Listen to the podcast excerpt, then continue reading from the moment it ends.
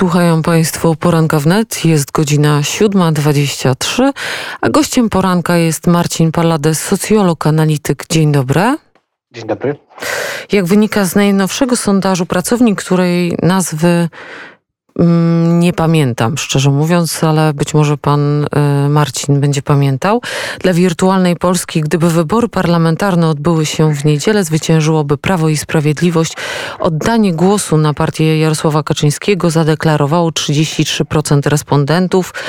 To punkt procentowy więcej niż e, w badaniu dwa tygodnie temu. Następna partia to, Hoło, to partia Szymona Hołowni, która niewiele wyprzedziła koalicję obywatelską.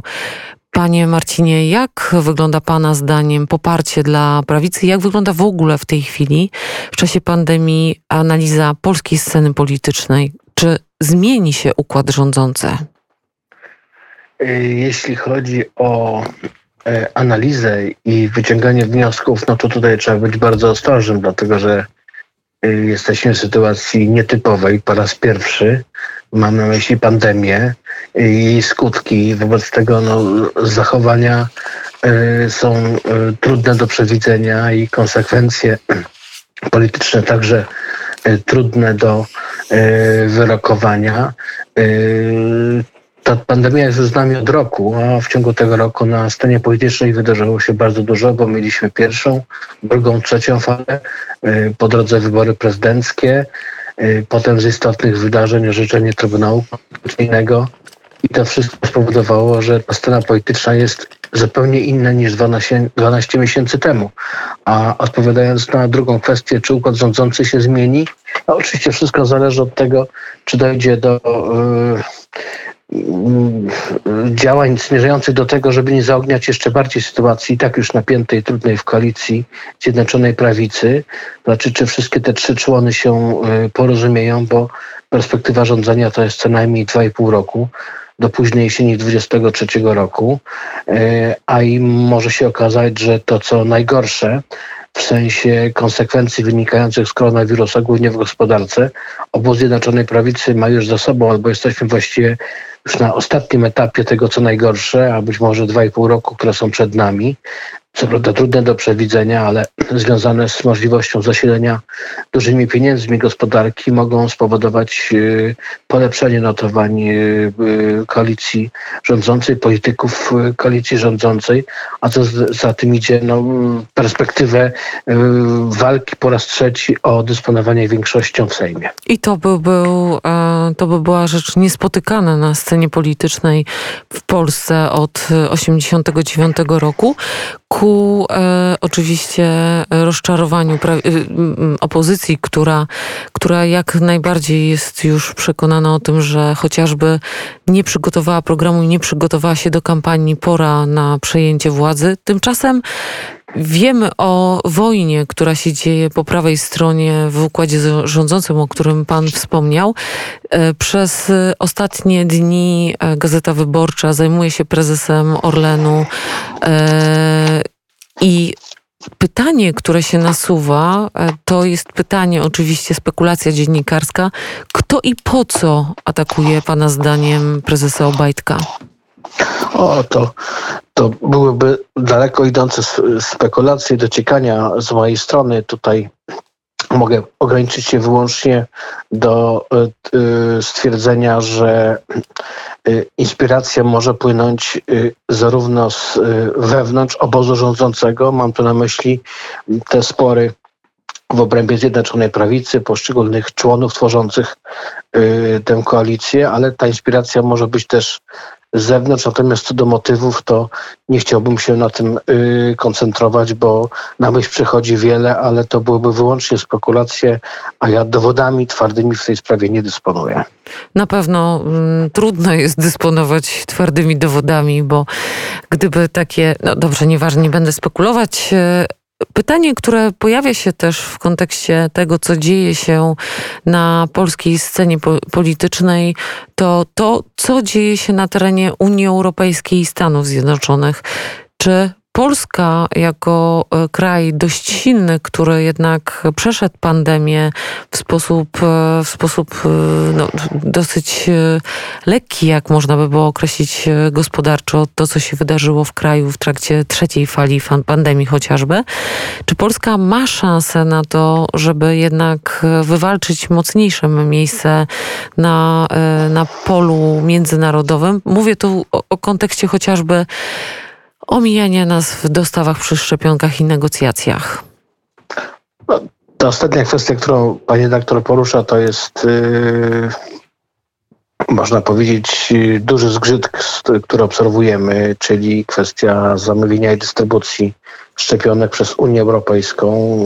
Ona się zobowiązała y, ustami przewodniczącej Komisji Europejskiej do zapewnienia dostaw, które by w pełni pokrywały zapotrzebowanie krajów członkowskich. Tymczasem okazało się, że z tymi, tymi zamówieniami, dystrybucją nie jest y, y, najlepiej i choćby y, kraj, który do niedawna pozostawał w strukturach Unii, czyli Wielka Brytania, radzi sobie w tej materii bardzo dobrze, że nie wspomnę o Zjednoczonych Emiratach Arabskich czy Izraelu, które już osiągnęły taki odsetek zaszczepionych, że Y, że, że mogą powoli rezygnować z tych restrykcji, które były do tej pory. Natomiast jeśli chodzi o y, takie szersze pytanie w kontekście pozycji Polski w, w Unii Europejskiej, to myślę, że to jest problem bardzo złożony i w dużej mierze to, co się stanie w tej rzeczywistości postpandemicznej, czyli zasileń gospodarek tym planem odbudowy europejskim, ale także y, z pieniędzy poszczególnych krajów, no to będzie y, takie starcie, gdzie z całą pewnością wyłonią się kraje, które będą sobie radziły lepiej, te, które będą sobie radziły gorzej. W dużej mierze to będzie wynikało z pozycji startowej jak słusznie pani zauważyła, w odróżnieniu choćby od krajów południa, takich jak Hiszpania, Grecja czy Włochy, my mamy lepszą pozycję startową. Mam tu na myśli mm, dwa takie y, składniki ważne, jak produkt krajowy brutto, który spadł o wiele niżej niż w tych wymienionych krajach w 2020 roku, czy choćby stopa bezrobocia różnica między Polską a Hiszpanią czy Grecją to jest y, pięcio-sześciokrotność, czyli o tyle jest niższe bezrobocie u nas. Wobec tego to zasilenie gotówki z całą pewnością będzie dla nas przydatne. Będzie także przydatne dla krajów południa, no ale ten dystans tam do odrobienia y, w tej rzeczywistości covidowej, post-covidowej jest o wiele większy. I to nowe rozdanie unijne, wynikające z tego, które kraje sobie poradzą lepiej, które sobie poradzą gorzej, w dużej mierze będzie kształtowało y, ten układ sił, który będziemy obserwować e, w najbliższych latach.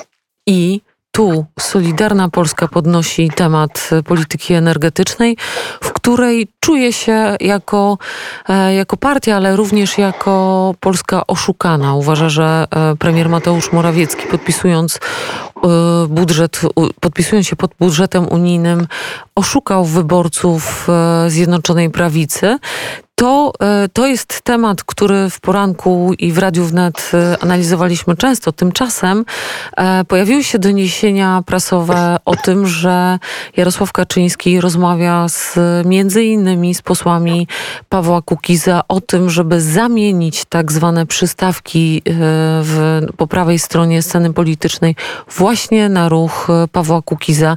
Czy pan słyszał o tym i czy to jest możliwe?